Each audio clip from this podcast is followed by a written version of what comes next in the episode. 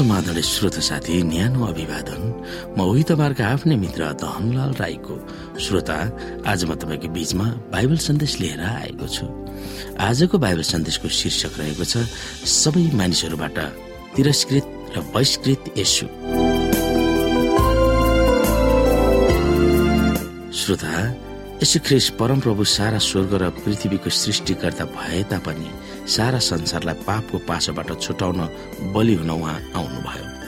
यसलाई मध्यनजरमा राखेर हामी केही पदहरू हेर्न सक्छौ। यस पृथ्वीमा सामना गर्नु परेको दुःख कष्टको बारेमा केही हदसम्म ती पदहरूले हामीलाई कसरी बुझाउन प्रयास गर्दछ। श्रोता आउनुहोस् हामी मत्ती बाह्र अध्यायको बाइसदेखि चौबिस हेरौँ। तब उहाँ कहाँ दुष्ट आत्माले सताएको एकजना अन्धो र गुङ्गो मान्छे ल्याइयो। यसोले त्यसलाई निको पार्नुभयो। यतिसम्म कि त्यो गुङ्गो मानिस बोल्ने र देख्ने भयो। अनि सबै भेटले अचम्म मानेर भने के यिनी दाउदका पुत्र नै हुन सक्छन् र? तर यो सुनेर फरिसीहरूले भने यस मानिसले दुष्ट आत्माको मालिक बाल बिजुद्वारा मात्र भूतहरू धपाउँछन् यसै गरी श्रोत साथी हामी लुका चार अध्यायलाई पनि हेरौँ सोह्रदेखि यहाँ।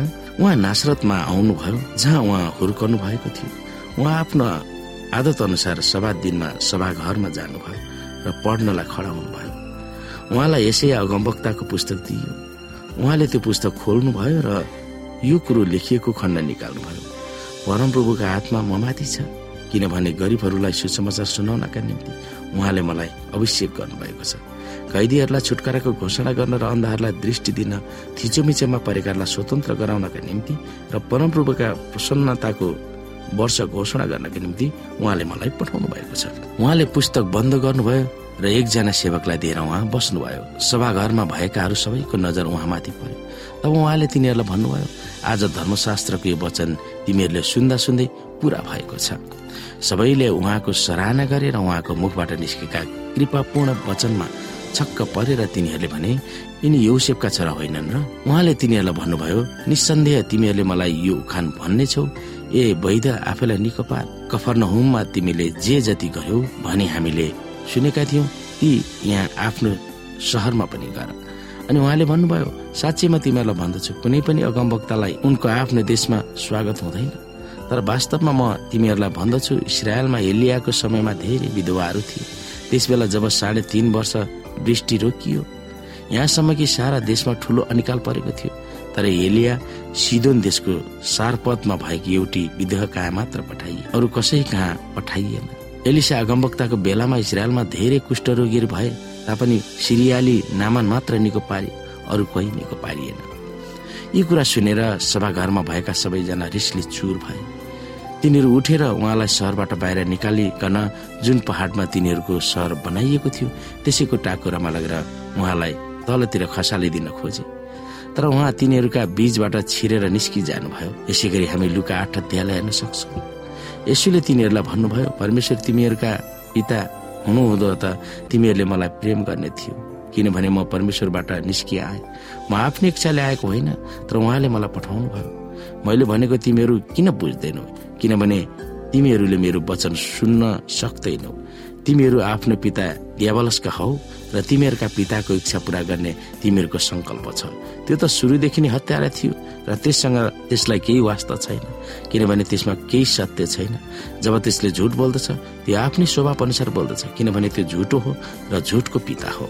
म सत्य बोल्दछु तर तिमीहरू मलाई विश्वास गर्दैनौ। तिमीहरू मध्ये कसले मलाई पापको दोष लाउन सक्छ?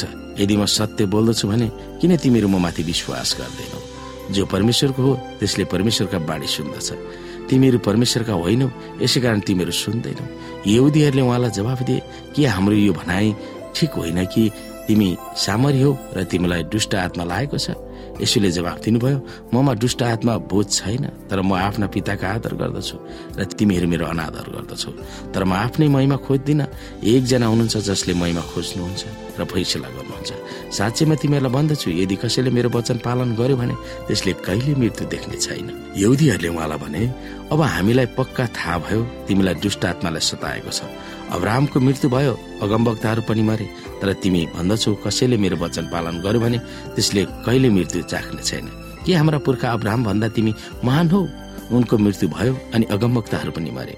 तिमी चाहिँ आफैलाई कुहु भने दावी गर्छौ। यसैले जवाब दिनुभयो यदि मैले आफ्नै महिमा गरेँ भने मेरो महिमा व्यर्थै हुन्छ। मलाई महिमा दिने मेरा पिता हुनुहुन्छ जसलाई तिमीहरू हाम्रा परमेश्वर भन्दछौ तिमीहरूले उहाँलाई चिनेको छैनौ तर म उहाँलाई चिन्दछु। म उहाँलाई चिन्दिनँ म उहाँलाई चिन्दिनँ भन्छु भने म तिमीहरू सरह झुटा ठहरिनेछु।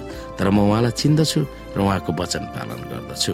तिमीहरूका पुर्खा अब्राहम मेरो दिन देख्नलाई प्रफुल्लित भएका थिए र तिनले देखे अनि रमाए। यसकारण यहुदीहरूले उहाँलाई भने तिमी अझै पचास वर्ष पुगेको छैनौ त के तिमीले अब्राहमलाई देखेका छौ? यसुले तिनीहरूलाई भन्नुभयो साँच्चै म तिमीहरूलाई भन्दछु अब्राहम हुनुभन्दा अघिबाटै म छँदैछु।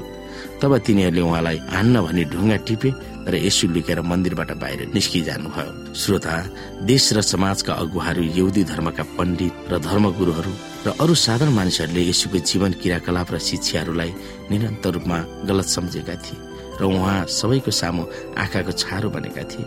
आफूले सेवा गर्न मानिसहरूले उहाँलाई तिरस्कार अपमान घृणा गरेका थिए।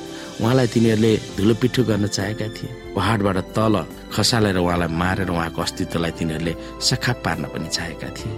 यदि भनौँ भने मानव कुनै बाबुले आफ्नो अल्लाहले बिग्रिएको र भ्रष्ट भएको छोरालाई उकास्न आफूसँग भएको सबै थोक दिन तयार भएका थिए।